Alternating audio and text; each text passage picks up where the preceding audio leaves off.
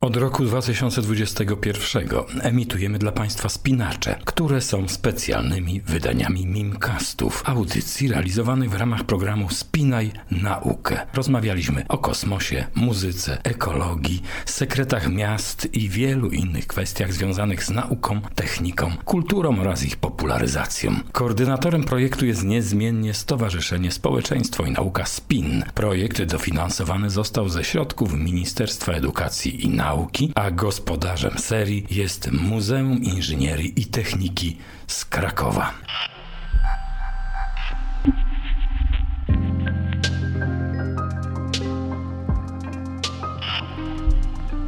Mimcast.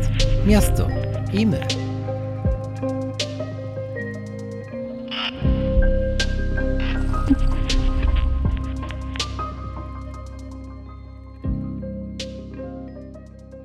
A w najnowszej odsłonie Spinacza moim i Państwa gościem jest Adam Goch, pasjonat, autor wielu innowacyjnych projektów realizowanych w przestrzeni miejskiej, społecznik. Jeśli coś pominąłem, bardzo proszę o korektę. Ja powiem tak, jako społecznik. Wszystko się wiąże z, z pracą dla ludzi. Jestem radnym dzielnicy szóstej w Krakowie. Jako tak społecznik, bardziej nazywałem się nie politycznie, tylko jako właśnie społecznie udzielający się Radzie Rodziców, w różnych stowarzyszeniach, w różnych jakby takich może mniej formalnych rzeczach. Też stworzyliśmy takie stowarzyszenie Wszystko Razem, którym też jestem prezesem, ale na razie jest to w uśpieniu chociaż było to zalążek też również do tej działalności, która w tej chwili od pięciu lat tworzenia nawigacji dla osób niepełnosprawnych. To jest jakby chęć e, poznania ludzi, z, ja bym nie nazywał może niepełnosprawnościami, ponieważ każdy z nas ma jakieś ograniczenia. To jest tak, jak można powiedzieć, co to znaczy normalność, co to znaczy niepełnosprawność. No, w zależności, jak do tego podejdziemy. To jest jakby podejście do człowieka bez względu na kulturę, wiarę, podejście jako do człowieka bez względu na to, co ma w portfelu, ile ma w portfelu, czy ma ten portfel. Każdy można znaleźć coś dobrego. Ja uważam w ten sposób, więc może to też jest taka, może trochę naiwność jeszcze w dzisiejszych czasach, ale myślę, że, że, e, że jako społecznik myślę, że się spełniam powoli. Na początku tego spotkania, podczas którego mamy rozmawiać o innowacyjnych projektach w przestrzeni miasta, ale nie tylko, chciałbym, o ile to w ogóle możliwe, poprosić o definicję, taką prywatną definicję właśnie tego pojęcia. Innowacja. Bardzo ostatnio popularne określenie. Ja powiedziałbym nawet, że nieco nadużywane i troszkę wyświechtane. Czy można opowiedzieć, zdefiniować w kilku słowach, słowach, czym jest innowacja? Ja bym to nazwał czymś niespotykanym. Mógłbym to porównać do diamentu. Może na początku nieoszlifowanym, bo, bo każda innowacja w początkowej, ja widzę po sobie, jest wielkie hura, potem trochę upadku, że się trzyma ten diament i stara się go oszlifować i faktycznie potem można powiedzieć, może to nazwać sukcesem, ale ta innowacja, która zostaje wdrożona, bo wiele innowacji, pomysłów, nietuzinkowość, bardzo potocznie nazywając, wiele rzeczy tak naprawdę wśród nas było kiedyś innowacjami, a dla nas są teraz no, normalnymi rzeczami, które rzutkujemy na co dzień, tak? Więc to też oczywiście przemija, każda innowacja jakoś w pewnym momencie przemija. Można to porównać do diamentu, do perły, do czegoś, co, co nie jest na początku dla każdego osiągalne, co jest wyjątkowe. Z techniką jest to bardzo dobry przykład, bo w przypadku tej dziedziny widać najwyraźniej, jak patenty, często małe i banalne, ale dostępne nielicznym, na przykład projekty dla wojska, czy te realizowane w programach kosmicznych, no te akurat to nie są takie banalne. Po pewnym czasie trafiają pod strzechy. No na przykład systemy sterowania wzrokiem, śledzące ruch gałki ocznej, używane choćby do ustawiania celowników działek lotniczych. Pewnie niektórzy słuchacze pamiętają film Błękitny Grom z Royem Schneiderem w roli głównej, w którym śmigłowiec, film jest z lat 80., posiadał system sterowania wzrokiem broni pokładowej. Tam, gdzie patrzył pilot, tam celowało działko. No dziś taki system posiadają na przykład lustrzanki do ustawiania ostrości. Look Kill to się nazywało. No to definicję mamy ograną. A jaki był Pana pierwszy innowacyjny projekt? Pierwszy projekt innowacyjny był to, co teraz cały czas rozwijam, chociaż Najciekawsza była, kiedy moja żona przyniosła broszurę Ośrodka Polityki Społecznej, no i że jeden z rodziców zachęcał, żeby szkoła przystąpiła do innowacji społecznej. Ja oczywiście wziąłem to, poczytałem. Y, było to tam przede wszystkim y, wspomożenie osób z różnymi niepełnosprawnościami, ale nie tylko, bo z osobami starszymi. Coś, co by zmieniło swoją codzienność. Kiedy poszedłem, składałem wniosek, kiedy jeszcze jako stowarzyszenie z koleżanką szliśmy z takim pomysłem realizacji pomocy osób starszych, powiedzieli nam, nie, nie, to jest bez sensu. To się nie uda. Chodziło nam po prostu o pomoc w zwykłych rzeczach takiego mobilnego doradcy, y, gdzie, gdzie moglibyśmy pomóc osobom starszym nawet w zwykłych wnioskach, jak założenie dowodu, zmiany dokumentów, wypełnienie jakichś wniosków, no bardzo takich popularnych rzeczy, które gdzieś tam teraz ktoś, nie wiem, mówią, że jest jakaś pomoc, ale trzeba złożyć jakiś wniosek, coś wypełnić i tak dalej, żeby byli tacy mobilni doradcy dla osób takich, które nie poruszają się po świecie urzędów. I wtedy padł pomysł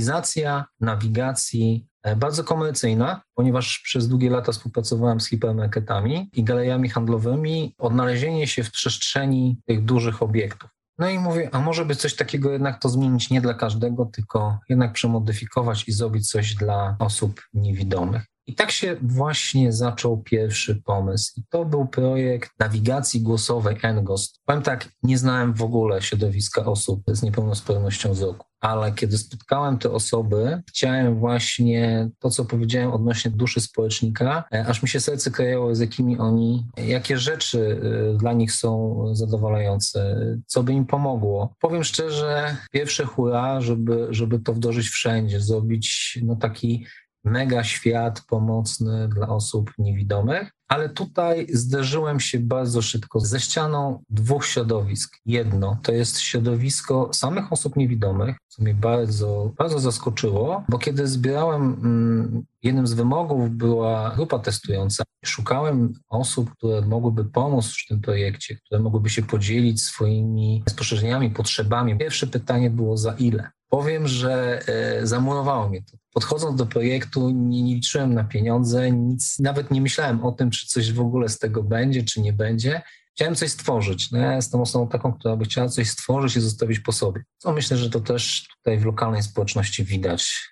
I powiem tak, że to było takim ciosem, można powiedzieć, prawie w serce oddaje swój czas wolny, a tutaj od razu pierwszy strzał taki, za ile? No ale dobrze, udało nam się, udało się stworzyć bardzo fajną grupę. Śmiałem się, że pierwsze spotkanie inaugurujące projekt odbyło się w dniu moich 40 urodzin. Powiedziałem sobie, że jednak to jest jakiś znak. Jedna z osób niepełnosprawnych też urodziła się w tym samym dniu i w tym samym roku, czyli razem urodziny. Mówię, no to już jest podwójne szczęście, więc musi coś się z tym wydarzyć. No i tak się tak naprawdę to zrodziło, ponieważ ja nie jestem programistą. Pomysł i realizację i ciągłość dążenia do, do celu, pomimo wszystkich przeciwności, udało się dokończyć ten projekt, gdzie naprawdę mieliśmy coś stworzyć ciągu niespełna pół roku. 18 października rozpoczęliśmy e, projekt. Mieliśmy go skończyć w marcu, więc oczywiście trzeba było znaleźć programistów, nagrania, y, osoby, grupę testującą i tak dalej, i tak gdzie takiego produktu nie ma na świecie. No wielkie wyzwanie. Po części się to udało. W tym pierwszym projekcie też wiele osób napotkałem przyjaznych, które wspomogły. Czy ta pierwsza wersja była jednocześnie ostateczną?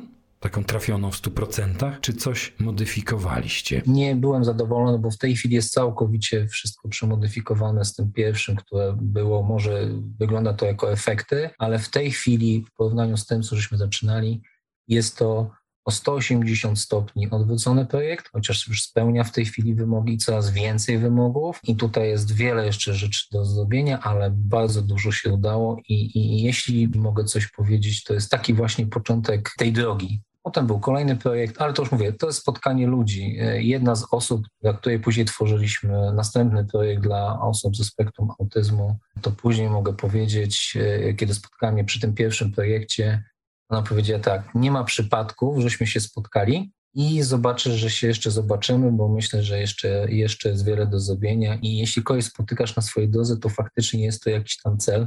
Tak patrząc na te kilka lat, Dokładnie będzie w październiku 5 lat, kiedy zaczął się moja przygoda z nawigacją i z, z pomaganiem jakby trochę dla ludzi, bo tak naprawdę to nie jest tylko projekt, który współpomaga osobom niepełnosprawnym, niewidomym, ale wielu, wielu osobom. Ten projekt nazwaliście nawigacją głosową dla osób zależnych. No to takie zgrabne obejście tradycyjnego określenia niewidomy czy też niedowidzący. Czy to taki celowy manewr, no czy tak wyszło? To był pierwszy projekt, który był nazywany. W tej chwili jest to już nazwa, e, nazwa Intonavi i e, wszystkie informacje, które po drodze się wydarzyły, są na naszej, naszej stronie i już mamy jakby produkt, kolejny zresztą produkt, który żeśmy nie tak dawno uruchomili. Więc e, tak, nazwaliśmy to, chociaż zaczynało się to od nawigacji osób e, zależnych, nawigacji głosowej, NGOS. Nazwa powstała wtedy tak naprawdę przy spotkaniu w Ropsie. To był ten pierwszy projekt, tak. Drugi projekt to był projekt Ta ścieżki dla osób ze spektrum autyzmu. Trzeci projekt, projekt dla muzeum. I czwarty, który ostatni jest, jest już takim projektem wdrożeniowym, można to tak nazwać może nawet pobieżnie komercyjnym, no to jest e, dodatkowy produkt Into Voice. Into Voice, czyli projekt wykorzystujący echolokację, jeśli dobrze kojarzę. Tak. Ale proponuję, żebyśmy wrócili do niego później. To będzie taka porcja na deser. A w tym momencie chciałbym jeszcze zapytać, czy te wasze projekty dedykowane osobom z zaburzeniami widzenia są przeznaczone dla niewidzących, czy też dla słabowidzących? Pytam o to, bo wiem, że te grupy się rozdziela. Tak, tak, grupy się rozdziela. Jest to i dla osób y, słabowidzących, i dla osób niewidomych. Ja powiem tak, że na pierwszym, pierwszym projekcie Ngoza mieliśmy osobę, która była i niewidoma, i głucha. Ona do któregoś roku życia, rodzice nie wiedzieli, wiedzieli, że nie widzi. Nie chciałbym tutaj skłamać, ale myślę, że to był 12-13 rok życia, jeśli z tego co dobrze co pamiętam. Oni dopiero odkryli, że ona jest głucha, że ma problem. I powiem, że całkowicie inna jest komunikacja z takimi osobami. W ogóle z osobami niewidomymi, zresztą jak z każdym z nas. Każdy ma swoje ograniczenia. Ja mam wybity bark od urodzenia, yy, nie mówię L przykładowo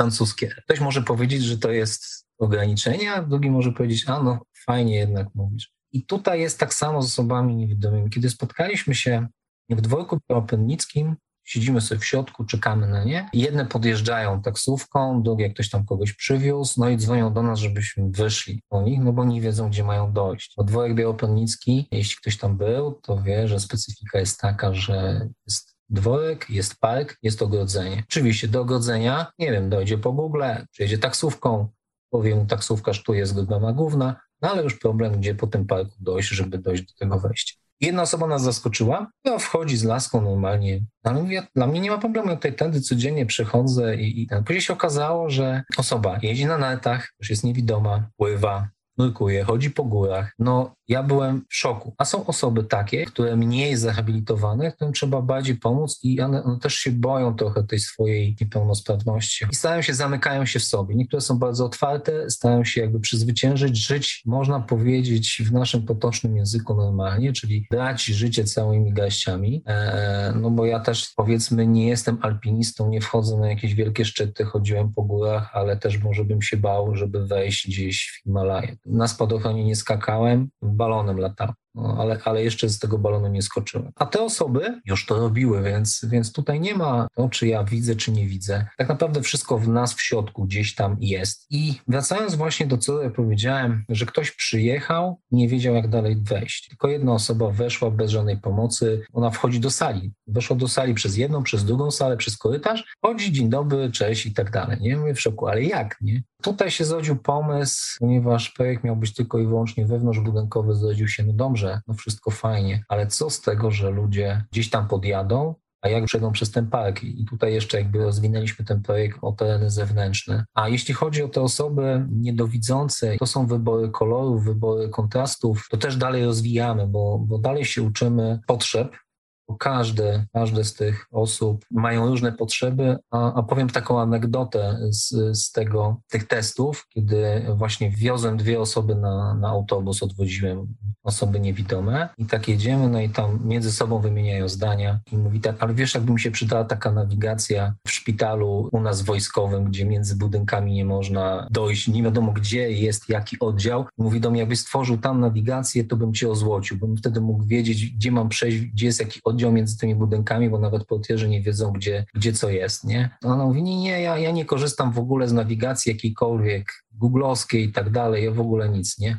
Jak ty żyjesz, jak ty, jak ty funkcjonujesz i tak dalej. Ona mówi, no ja, ja polegam na swojej intuicji kobiecej, nie? A nie, no bo to jest przecież bardzo znana i sprawdzona aplikacja, kobieca intuicja, używana jeszcze w czasach przed cyfryzacją, jeśli, jeśli dobrze pamiętam. No i wtedy już on się rozłożył i już wtedy było zero komentarza. To jest taka anegdota rozmowy dwóch osób niewidomych. Więc to widać te, te, te potrzeby, każde są inne. E, a mówię, tutaj tak, niedowidzenie nie jest inne, ponieważ komunikaty są dostosowane. Możliwość komunikatów, nawigacji jest jako, można powiedzieć, tradycyjna dla nas, e, gdzie mm, mówimy w prawo, w lewo, zawróć i tak dalej. Tak używamy i tak też zresztą funkcjonujemy przy zwykłej nawigacji, mam z Google czy innych. Tak osobom niewidomym mamy możliwość pokazania tego skrętu na pierwszą, na drugą, na trzecią, to też jakby w formie takiej nauki i testowania, jakie są potrzeby. Powiem tak, ja bym tak bardzo nie rozgraniczał osoby niedowidzącej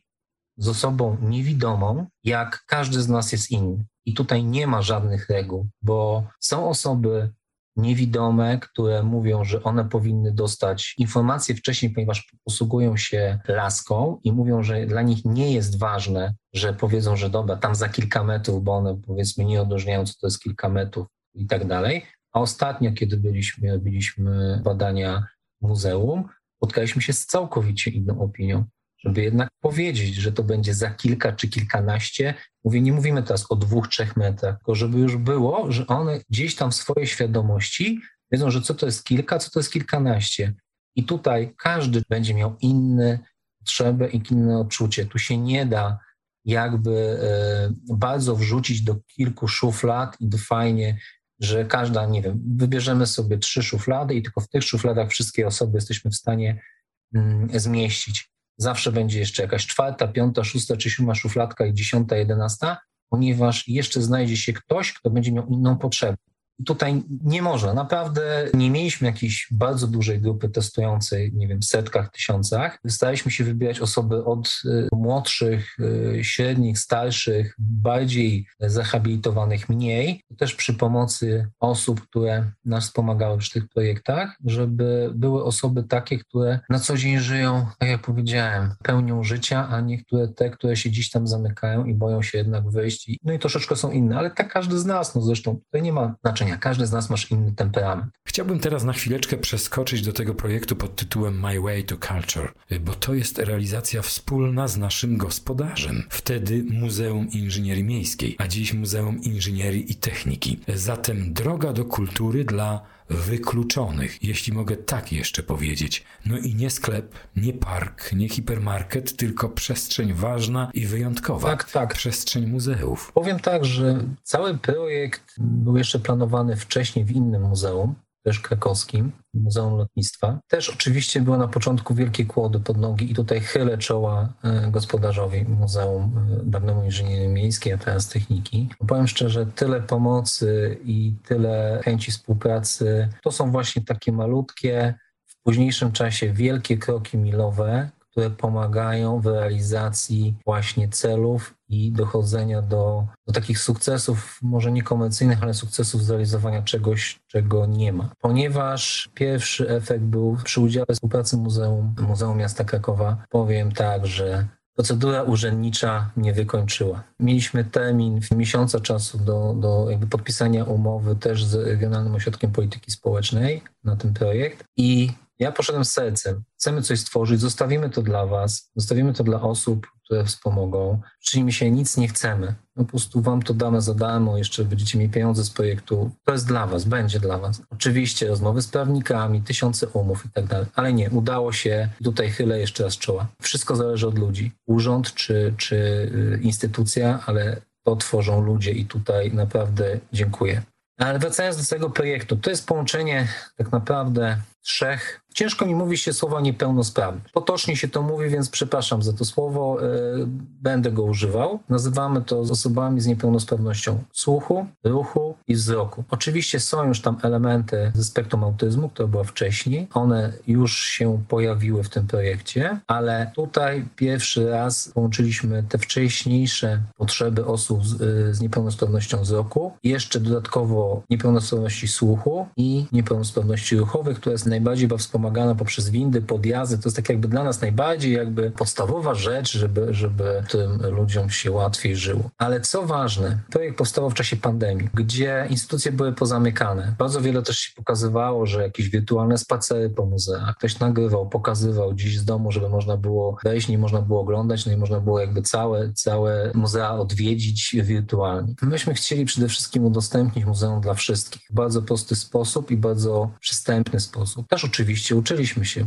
ponieważ wcześniejsze projekty nie były związane w ogóle z eksponatami. Może przy ta ścieżce był taki mały element zwiedzania i jakby pokazywania e, bodźców zewnętrznych. Tam się gdzieś pojawił ten element, ale tutaj już w pełni dla tych trzech grup stworzony został taki przewodnik. Jakie są zadania specjalne podczas budowania takich projektów dla grup ludzi wykluczonych? No przewodniki multimedialne opracowuje się przecież także dla tych, którzy nie mają odłączonych zmysłów wzroku czy słuchu. Jaka w tym konkretnym przypadku jest ta wartość dodana? Co e, przede wszystkim ludzi z niepełnosprawnością jakąkolwiek e, dotyka? To, że nie mogą czegoś spełnić sami. Tu jest właśnie e, realizacja tego projektu. Przychodzi osoba niepełnosprawna do muzeum i my jeszcze możemy dostać jakąś karteczkę, jakiś przewodnik, sobie poczytamy, przejdziemy, wiemy mniej więcej, czy w goszczu jakiś, jakiś zakamarków jesteśmy w stanie odczytać, ale nawet gdybyśmy chcieli zwiedzić to, z, tak jak ostatnio byłem w jednym z muzeum i czekaliśmy na przewodnika i dopiero się zbierze tam 10-15 osób, dopiero przewodnik nas zabierze, tak? Ale ten przewodnik, powiedzmy, no wszystkie osoby były w miarę pełnosprawne i się normalnie poruszały, bo to był obiekt dosyć duży, to był fort, więc, więc duże tereny, mało dostępne dla osób niepełnosprawnych, ale co w przypadku takim, kiedy w tych 15-osobowej grupie nagle się zbierze tak, ktoś z niepełnosprawnością słuchu, ktoś poruszający się na wózku, czy powiedzmy no z jakąś uciążliwością w tym, w tym zakresie. No i osoba niewidoma. Co? Będziemy mieli albo będziemy mieli super przewodnika, który będzie tłumaczył i na migi, i opowiadał audiodeskrypcją, i opisywał pięknie przedmioty te, które nie są w stanie e, osoby e, zaglądnąć poruszające się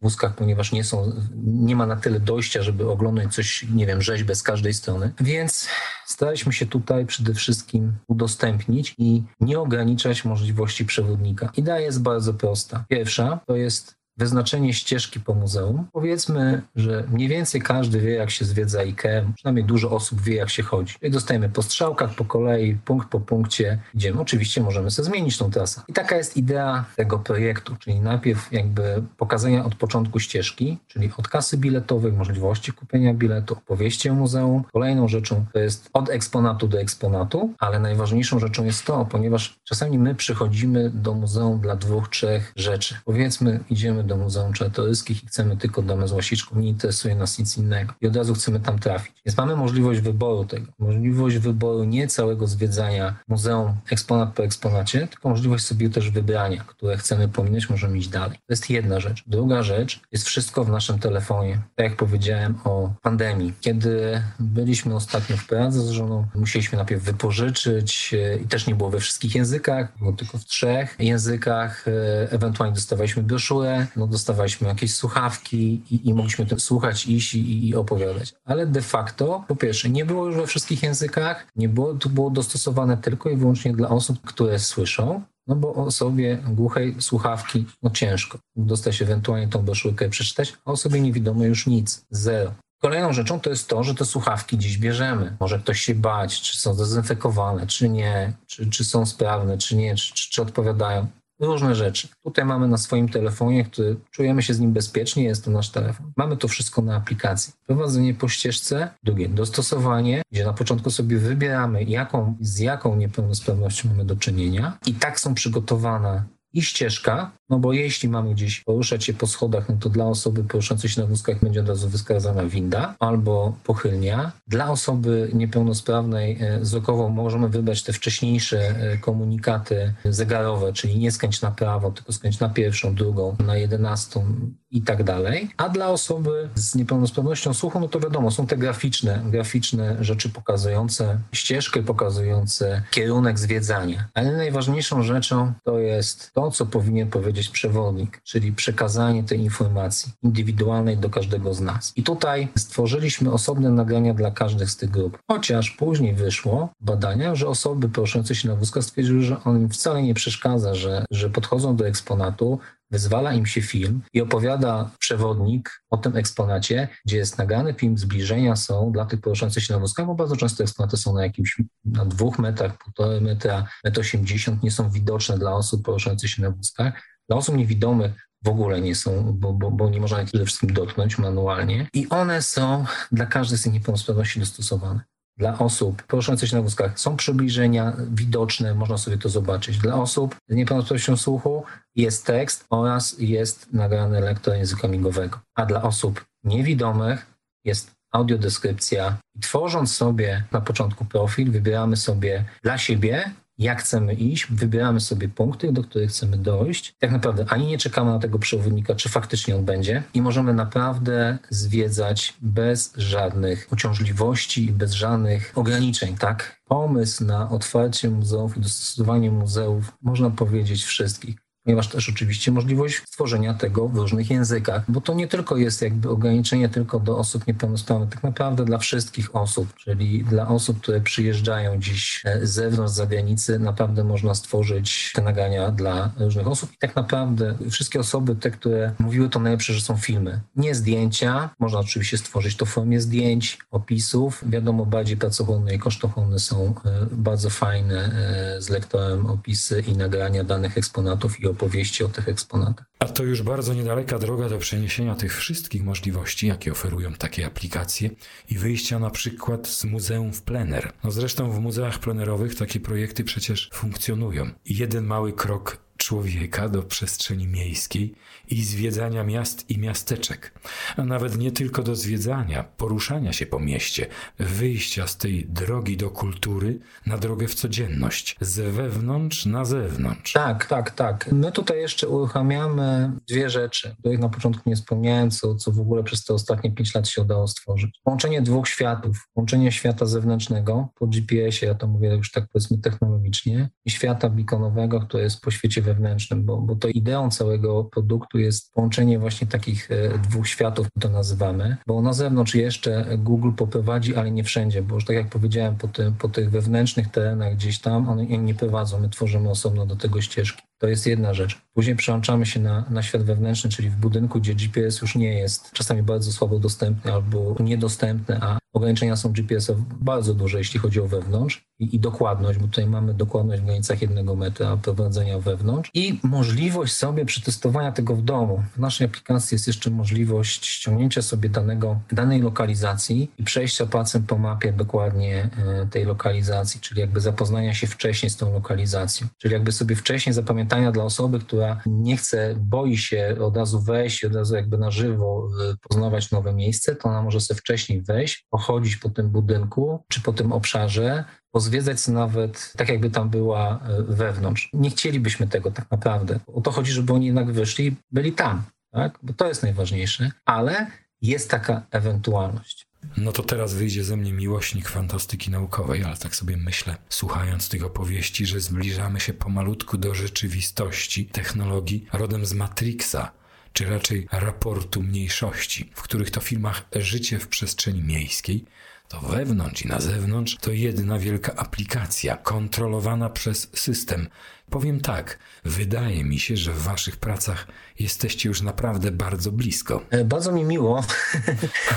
tak, e, powiem szczerze, że że czekamy tak naprawdę na rozpowszechnienie, dopełniamy pewnych szczegółów, bo ja jestem osobą, która nie lubi czegoś bardzo się czymś chwalić, jak coś nie jest tak doprecyzowane i, i nie jest to w pełni, to był z tego zadowolony. A zresztą e, znając teraz jakikolwiek e, mały niuansik, e, błędy będą bardzo uwypuklane, i staramy się bardzo wiele rzeczy jeszcze do, ale jesteśmy bardzo blisko i myślę, że, że, że to są naprawdę nie lata, ale już te kilka miesięcy, które już jesteśmy w stanie zacząć się chwalić, tak? Zacząć się chwalić. E, czekamy jeszcze na kilka wdrożeń, które w tej chwili jużśmy nazywali. Jesteśmy jeszcze przed dwoma, trzema wdrożeniami. To, co mi się marzyło, jedno to jest kultura, jedno w kulturze, jedno w medycynie, i w nauce, czyli w szkolnictwie. Jeśli nam się uda, to do końca roku, a taki jest plan. Myślę, że w przyszłym roku już będzie, będziemy się starać to rozgłaśniać, bo chcemy mieć pewność stuprocentową, że to, co było stworzone,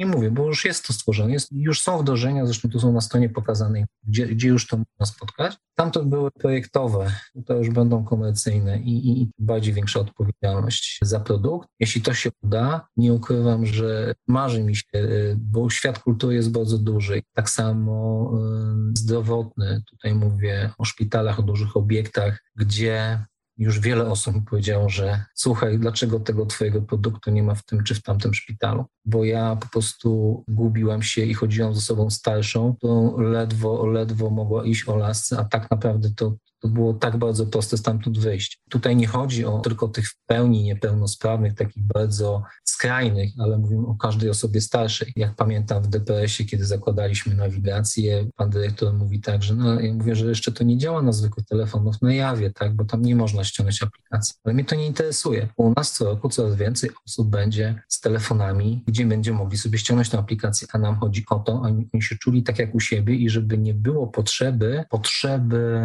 osób, e, osoby trzeciej, drugiej do pomocy, że ona może wyjść sobie na zewnątrz do altanki, może sobie wyjść na spotkanie My też wiemy, gdzie jest, ponieważ jest tam też funkcja przywołania pomocy. Jeśli ktoś gdzieś się zgubi albo co mu komuś się stało, on naciska jeden przycisk i osoba, która jest dany obiekt danej strefie odpowiedzialna, dostaje SMS-a z, z linkiem, położeniem tej osoby, czyli jeśli ktoś się zaknie w toalecie, on naciska i dostaje ktoś tam na portieni czy gdzie indziej informację. Jest też funkcja powtórzenia ostatniego komunikatu, jest funkcja e, szybkości mowy, jest funkcja wyboru kolorów, tutaj jest do spektrum autyzmu, jest funkcja możliwości nagrywania własnych komend głosowych. To też tutaj było ze spektrum autyzmu, gdzie osoby, które się boją świata zewnętrznego, boją się osób postronnych, nieznanych, e, bardziej w świecie zamkniętym w swoim bliskim gronie, jest tutaj możliwość właśnie nagrania komend, nie wiem, mamy, taty, wujka, brata, cioci, koleżanki, kolegi i będą mówić tym głosem. Ta nawigacja będzie mówić tymi głosami. I to można zmienić, bo powiedzmy, dzisiaj lubię mamę, obraziłem się, bo, bo coś tam powiedziała, to sobie nagam tat. Więc to jest możliwość do zmiany w każdym momencie. No staramy się dalej rozwijać. A przy okazji coraz większa kontrola, tak? Nie idzie to czasem w kierunku innowacji znanych, choćby właśnie z przywołanych przeze mnie filmów? Będziemy wchodzić do autobusu, tramwaju czy muzeum, a system na panelu powitalnym wyświetli nam komunikat. Dzień dobry, Adamie. Czy piłeś już kawę? Przeczytałeś najnowsze wiadomości? Przypominamy o wizycie u kardiologa i tak dalej. Nie zamknąłeś lodówki. Zapraszamy do muzeum. Kontrola przy okazji. Tak, może być. Może być też kontrola, ale my tutaj w założeniach nie mamy zbierania danych, położenia, bo właśnie było też w jednym e, z właśnie w DPS-ie w Krakowie, gdzie zakładaliśmy aplikację, to pierwsze to się pracownicy zapytali, czy będziemy ich śledzić. Ja mówię, że nie, nie, nie, nie będziemy tutaj śledzić nikogo, absolutnie nie będziemy zbierać żadnych danych. Tak, zgadzam się, ale powiem coś, co, co, co też było jakimś założeniem projektu. Wspomaganie osób niepełnosprawnych przy ewakuacji. Nasze wielkie chóra było pierwsze, żeby, żeby to połączyć z ewakuacją i z informacją, w której strefie ktoś jest, gdzie się pali, bo, bo to, że mamy gdzieś, wiemy, że, że mamy tam gdzieś wyjście ewakuacyjne, to tak naprawdę nie wiemy, że w tym wyjściu ewakuacyjnym nie ma pożaru i trzeba iść do innego wyjścia. Ten produkt, po myślę, że dużych testach i przede wszystkim ze strażą pożarną, bo, bo niektórzy bardzo tak to płytko i tak bardzo szybko, że tak raz, dwa, trzy, nie, nie chcielibyśmy tego, rozważaliśmy ten temat, jest to możliwe. Systemowo jest to łatwe do zrobienia przy, przy, przy zrobieniu pełnej nawigacji wewnątrzbudynkowej, ale musielibyśmy to bardzo dobrze przetestować. Ale faktycznie myślę, że jest to kolejna rzecz do, do rozważenia, możliwość szybkiej, bezpiecznej ewakuacji, bo wtedy możliwość połączenia tego, w której strefie gdzieś faktycznie jest porze i wybrania może nie czasami najkrótszej drogi, ale tej bezpiecznej drogi ewakuacji. To jest jakby kolejny element i pomysł, który gdzieś tam nam mm, krąży w przyszłości, ale będąc odpowiedzialnym nie chcemy od razu rzucać na ten. Wiemy ile, ile zdrowia, ile, ile, ile przeciwności, ile rzeczy trzeba jeszcze, żeby ten produkt był no, za każdym dniem powoli, powoli do przodu. Ja tak sobie myślę, że tematem moglibyśmy obdzielić kilka audycji. Nie pierwszy i pewnie nie ostatni raz tak się zdarza, że przy ciekawej rozmowie czas płynie jakby szybciej, przyspiesza zdecydowanie, a z każdą wypowiedzianą kwestią rodzą się te następne.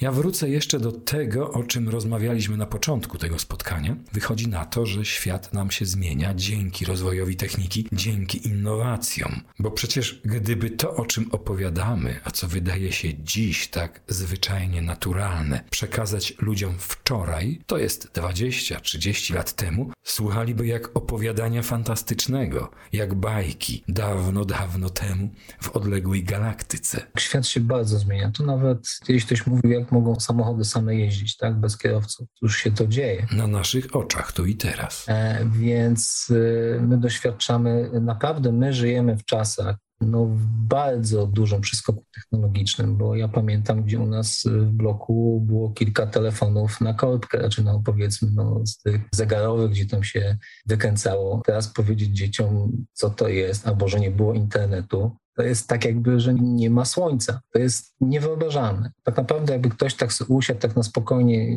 tych bodźców wyrzucił od siebie i przemyślał sobie, jak moje życie się zmieniło przez ostatnie 20-30 lat, w szczególności te osoby, które mają między 40 a 60, to myślę, że to jest bardzo duży przeskok technologiczny w każdym zakresie. A nawiązując do tych telefonów, o które zaczepiliśmy, to tam już nawet nieważne, czy na tarczę, czy na korbkę, czy na guziczki, ale inna kwestia jest tutaj znamienna. Proszę opowiedzieć młodemu pokoleniu, dla którego telefon to nie urządzenie tylko do komunikacji na odległość, ale system, system podtrzymywania życia często. Opowiedzieć o tym, że kiedyś na telefon trzeba było czekać rok, dwa lata albo lepiej. To jest bajka. Jeden aparat na klatce u sąsiada szczęściarza. To jest historia, w którą dziś trudno naprawdę nam czasem uwierzyć, a co dopiero młodym, którzy nie znają tamtych czasów, no może z opowieści. Moi rodzice czekali 10 lat, bo, bo składali, kiedy ja się urodziłem, dostałem, no powiedzmy w okolicach 10 urodzin, tak? Telefon przyszedł do nas do domu, e, więc mogę powiedzieć, że tak. Ja czekałem 10 lat na telefon, nie pamiętam jak rodzice to składali, tak? Ale opowiadali. A są tacy, co nie dostali nawet za 20 lat. Zatem może za kolejnych lat 20 przyjdą czasy, w których to, czym rozmawiamy teraz, będzie taką naszą codziennością, której nikt się nie będzie dziwił. Jak pisał Mrożek, jutro to dziś, tyle że jutro. A wy dziś, dzięki waszej pracy, przywracacie tę codzienność wykluczonym. Ja kolejny raz używam tego określenia, bo pasuje mi lepiej niż to tradycyjne, popularne i używane na co dzień niepełnosprawni. Tak, słowo wykluczone myślę, że, że to jest właśnie tym odpowiednim, odpowiednim słowem. Bardzo, bardzo dobrze i trafnie ujęte wykluczenie. Powiem tak, Odnośnie właśnie dzięki naszej pracy. Przykład, anegdotę ze spotkania z jednym e, z wiceministrów. Zresztą są na zdjęcia na stronie internetowej. Kiedy byliśmy w Warszawie przed Ministerstwem Innowacji, a propos, omen omen, na takich targach innowatorów społecznych i, i kiedy tam pokazywałem swoje innowacje e, NGOS, padło pytanie takie, czy to tylko jest dla niewidomych, czy można to też komuś innemu? Ja mówię, tak, można, ale w ogóle pytanie było dla mnie bo każdy dziś szuka, że to jest wąska grupa społeczna, że to jest tylko dla jakiejś garstki osób, to się opłaca czy nie opłaca. Zawsze gdzieś na końcu, przepraszam, tak jak na początku zaczynaliśmy naszą rozmowę, gdy się zapytał, ile dostaniemy, kiedy przyjdziemy na te testy, tak? Ile to kosztuje? Czemu tak drogo? A to się nie opłaca, bo to skorzysta tam ileś osób. Więc jakby te pięć lat też wiele nas nauczyło, żeby produkt był jak dla większej grupy osób, żeby można było to wdrożyć, e, że to będzie dla wszystkich. Tą wisienką na torcie będzie dla tych wykluczonych, o których się powinno mówić od początku, ale e, wiadomo, niestety światem rządzi pieniądz. Niestety dalej. Mówi się piękne słowa wszędzie w telewizji, w radiu, w mediach, jak my tutaj dbamy o każdego, a tak naprawdę jak się to pozna, to nie jest tak to piękne. To e, gdzieś tam każdy gdzieś to liczy i, i, i, albo chyba, że to faktycznie chce się w stanie pokazać i że to będzie, będzie czymś wow i politycznym. Przykre, ale niestety podchodzimy coraz bardziej do tego trochę komercyjnie, ale staramy się to przede wszystkim, żeby było jak największej grupie społecznej. No i smutno się tak jakoś zrobiło. No ja nie chciałbym zapinać tego spotkania takim pesymistycznym akcentem. Choć doskonale rozumiem te kwestie, bo w swojej praktyce także nieraz ze ścianą się zderzałem. A tak przy okazji, tak dla rozluźnienia atmosfery, słyszałem kiedyś taki tekst. Już nie pamiętam kto i kiedy go wyartykułował, ale brzmi on mniej więcej tak. Wie pan po czym poznać prawdziwą innowację? Nie. No po czym poznać że projekt jest naprawdę innowacyjny, a po tym, że największe miernoty zawzięcie go krytykują. Jak dla mnie piękne, choć nie ja jestem oczywiście autorem. W tej części panu coś powiem, więc myślę, wydaje, że że jest coś w tym. Faktycznie, teraz tak patrząc po sobie, to, to co mnie spotkało jakieś, nie wiem, dwa miesiące temu przed wakacjami, to tak, to się zgodzę z tym. A na zakończenie tej rozmowy, na deser, jak obiecałem, jak wspominałem na wstępie, chciałbym porozmawiać o projektach Into Voice, no i o echolokacji, która jak dla mnie brzmi od początku najbardziej interesująco. Powiem tak, produkt nie jest może bardzo innowacyjny, jest nowy. E, bardzo podobnym produktem do tego jest e, to Point, jako lokacją, która jest stworzona bardziej już popularna e, przez jednego pana. My właśnie ze światem osób niedowidzących czy niewidomych, bardziej niewidomych, zderzaliśmy się w dwojaki sposób. Jedne osoby powiedziały, że chcą mieć nawigację wewnątrzbudynkową dostosowaną po, po wewnątrz budynku, a dla niektórych echolokacja to jest to. No i jakby poddaliśmy się też jakby regułom rynku. Stworzyliśmy kolejny produkt, który dostosowujemy e, do naszej nawigacji. Tylko zawsze jedną rzeczą walczyłem, kiedy ktoś mi mówił, że echolokacja jest nawigacja. To są dwa różne, dwie różne rzeczy. Echolokacja nie jest nawigacją, bo to jest latarnia tam, gdzie, gdzie dostaje ktoś sygnał, że gdzieś tam coś jest, tak jak na zasadzie statków płynących i widzenia gdzieś latarni. Jak będziemy szli na przełaj, oczywiście dojdziemy, tak? Ale czy ten na przełaj będzie bezpieczny, czy po drodze nie będzie skały, to już troszeczkę jest inaczej. Czy nie będzie tam mielizny, też nie wiemy ponieważ mieszkam w Krakowie i dużo, dużo odwiedzaliśmy uczelni, dużo rozmawialiśmy o niepełnosprawności, dostosowaniach i tak dalej. E, ja podaję taki przykład, ponieważ jedną z uczelni z osobami mm, na Uniwersytecie Ekonomicznym mamy główną bramę od ulicy Rakowickiej. Na końcu na wprost, jak się idzie cały przez całą uczelnię, na końcu mniej więcej jest basen. Ja im mówiłem coś takiego. Nasza nawigacja poprowadzi po zewnątrz, na zewnątrz, po GPS. Jeszcze wtedy prowadziliśmy po beaconach, ale prowadzi was bezpiecznie. Prowadzi was po chodnikach i dojdziecie do bezpiecznie do wejścia. Później jeszcze po budynku do konkretnych drzwi. Jeśli was postawię przed główną bramą i nie wiem, nawet duży głośnik, megafon wam na, e, zawieszę na tym basenie, to będziecie szli po prostu na przełaj. Przepraszam, a jeśli wam przekopię tutaj, będziecie mieli tam przekop i będziecie mieli jakieś remonty na środku, to co? To osoba ta wpadnie do tego, do tego wykopu i nie daj Boże coś się stanie. A mówię, połączenie tych dwóch rzeczy, poprowadzenie po bezpiecznych ścieżkach, możliwości wyłączenia stref gdzieś, gdzie, gdzie są remonty, bo to możemy zrobić w aplikacji, czyli wyłączyć i zaznaczyć punkty niebezpieczne i później na samym końcu włączyć tą echolokację. Po pierwsze, Bluetooth nie ściągnie tych 200 metrów, to jest jedna rzecz. Nawet gdyby ściągnął, jakimś cudem, to i tak to, to będzie gdzieś tam słyszalne i będziemy szli tak jak z tą latarnią i na morzu. I dopiero na końcu możemy, dobra, jest to nad drzwiami, prowadzimy na drzwi, jeśli ktoś lubi tą echolokację. Ten produkt tutaj jest to najnowszy produkt, który stworzyliśmy w ciągu ostatniego, powiedzmy, 7-8 miesięcy na potrzebę, mogę już teraz powiedzieć, Politechniki Krakowskiej, która też weszła w świat e, znaczników głosowych, tylko jesteśmy jedyni, którzy mamy możliwość połączenia tych dwóch rzeczy w jedno. Czyli to, co jest w muzeum, to, co jest w Westminster Sacra, czy, czy to, co jest w DPS-ie, czyli mówimy o nawigacji ze znacznikiem głosowym. Dodatkowa rzecz, czyli jaki mamy tort i jeszcze sobie tam wieszamy na tym torcie, tą, y, umieszczamy tą wisienkę. I to jest właśnie to. Po prostu walka, czasami nie trzeba walczyć, myśmy się po prostu poddali, nie chcieliśmy jakby, bo, bo byśmy nie przekonali. No jeśli ktoś jest do czegoś przyzwyczajony, nie wiem co by to było, to i tak będzie będzie tego bronił i będzie, że to jest dla niego najlepsze. I może tak jest, ja nie mówię, nie będziemy tutaj negować, ale daliśmy możliwość, tak? Możliwość wyboru. Możliwość wyboru samego to voice'a, czyli samej echolokacji, możliwość samej nawigacji, takim czymś ekstra, bo tak nazwijmy. Coś ekstra to jest właśnie połączenie Intonavi z IntoVoice'em w jednej aplikacji. Pamiętajmy, to jest wszystko w jednej aplikacji. Tu nie ma czegoś, że się musimy przełączać z jednego do drugiego.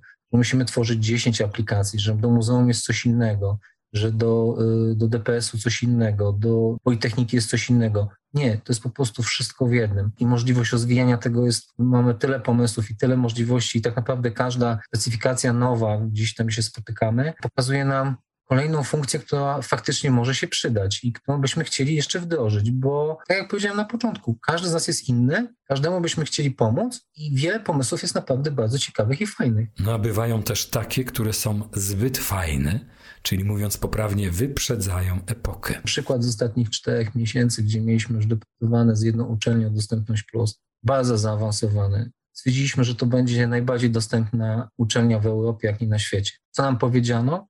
Przyszła osoba, która w ogóle nie sprawdziła produktu, nie zapytała się nawet, gdzie to jest, że możemy pójść, przetestować, zobaczyć, jak to wygląda i tak dalej. Powiedziała, że to jest zbyt innowacyjne. A to jak w filmie Formana Amadeusz, gdy po wysłuchaniu utworu specjaliści, tam jest taka scena, specjaliści z otoczenia cesarza, chcąc się koniecznie wykazać i po prostu przyczepić do kompozycji Mozarta, wykombinowali taki zarzut, za dużo nut, a poza tym wszystko w porządku. I zdaje się, że właśnie często słyszymy ten argument, za dużo nut. Tak, i dlatego to mi dało jeszcze kolejne skrzydła, e, to co pan powiedział, do, do działania dalszego. Może to nie był ten moment, może jeszcze to nie teraz, może dopiero to za rok, może nie byliśmy też gotowi na to, może też mówiono, a bo wy nie jesteście znani, no może jakbyśmy byli Microsoftem, może jakbyśmy byli, nie wiem, Ecomarchem czy jakąś inną wielką firmą, a Omen Comarch starał się to zrobić, nawet stworzył osobną spółkę, ale im to nie wyszło. Nie chodzi o to, że będziemy mieli sztaby ludzi, miliony y, gdzieś na kontach i dużo pieniędzy wsadzonych i tysiące informatyków. To jest pomysł, to jest cierpliwe, ciągłe działanie, bo mówię, pięć lat pracy, ciągłe poza godzinami swojej pracy, mm, dodatkowo i dopiero teraz gdzieś to przynosi efekty y, takie wymienne, powoli, powoli, powolutku, patrząc na to wszystko, co się przez ostatnie pięć lat, jakie osoby spotkałem, a propos właśnie nawet muzeum i pani Kasi Zieńskiej, za którą bardzo dziękuję za, za pomoc, to by się nie udało, a wiem, że ile serca i ile y, stań, żeby to też zostało tam. Przeciwności, które też się wydarzyły tam właśnie, gdzie, gdzie, gdzie już mieliśmy wchodzić z badaniami, a tu nagle zalanie i cała ekspozycja zamknięta. To są takie rzeczy, przeciwności, a jednak się udało. Jeśli tutaj mówimy o muzeach, powstaje w Krakowie takie duże, nowoczesne muzeum. Marzy mi się, żebyśmy byli jakby współdziałaniem tej nowoczesności, e, żeby to było lepsze nawet do tego Centrum Kopernika, bo myślę, że wykorzystanie naszego pomysłu przyczyniłoby się jeszcze do większego, większego udostępnienia i jeszcze jakby utacnienia tej przestrzeni. I, nie ukrywam, że to byłoby takim moim uwieńczeniem e, pracy, e, jeśli chodzi tutaj o, o to muzeum. To takie moje marzenie. Marzenia się spełniają. Ja jestem pod ogromnym wrażeniem tego, co udało się panu już osiągnąć. Mam nadzieję, wierzę w to, że nasi słuchacze również się z tym zgodzą. Państwa i moim gościem w tym wydaniu Mitcastu był Adam Goch. Jedno słowo, w zasadzie dwa słowa. Pasjonat, społecznik. Dziękuję pięknie za uwagę. Dziękuję wszystkim, wszystkim za uwagę. Ja dam jedną wielką radę. Nie poddawajcie się, bo każda przeciwność i każde niepowodzenie jednak buduje, tylko trzeba tym znaleźć dalszy swój cel. Ale przede wszystkim najważniejsze jest cierpliwość, najważniejsze jest ciągłe działanie i nie poddawanie się. I myślę, że e, nieważne to są pieniądze, nieważne znajomości, oczywiście, to też pomaga, ale najważniejsze e, jest ciągłe, ciągłe działanie. Do usłyszenia.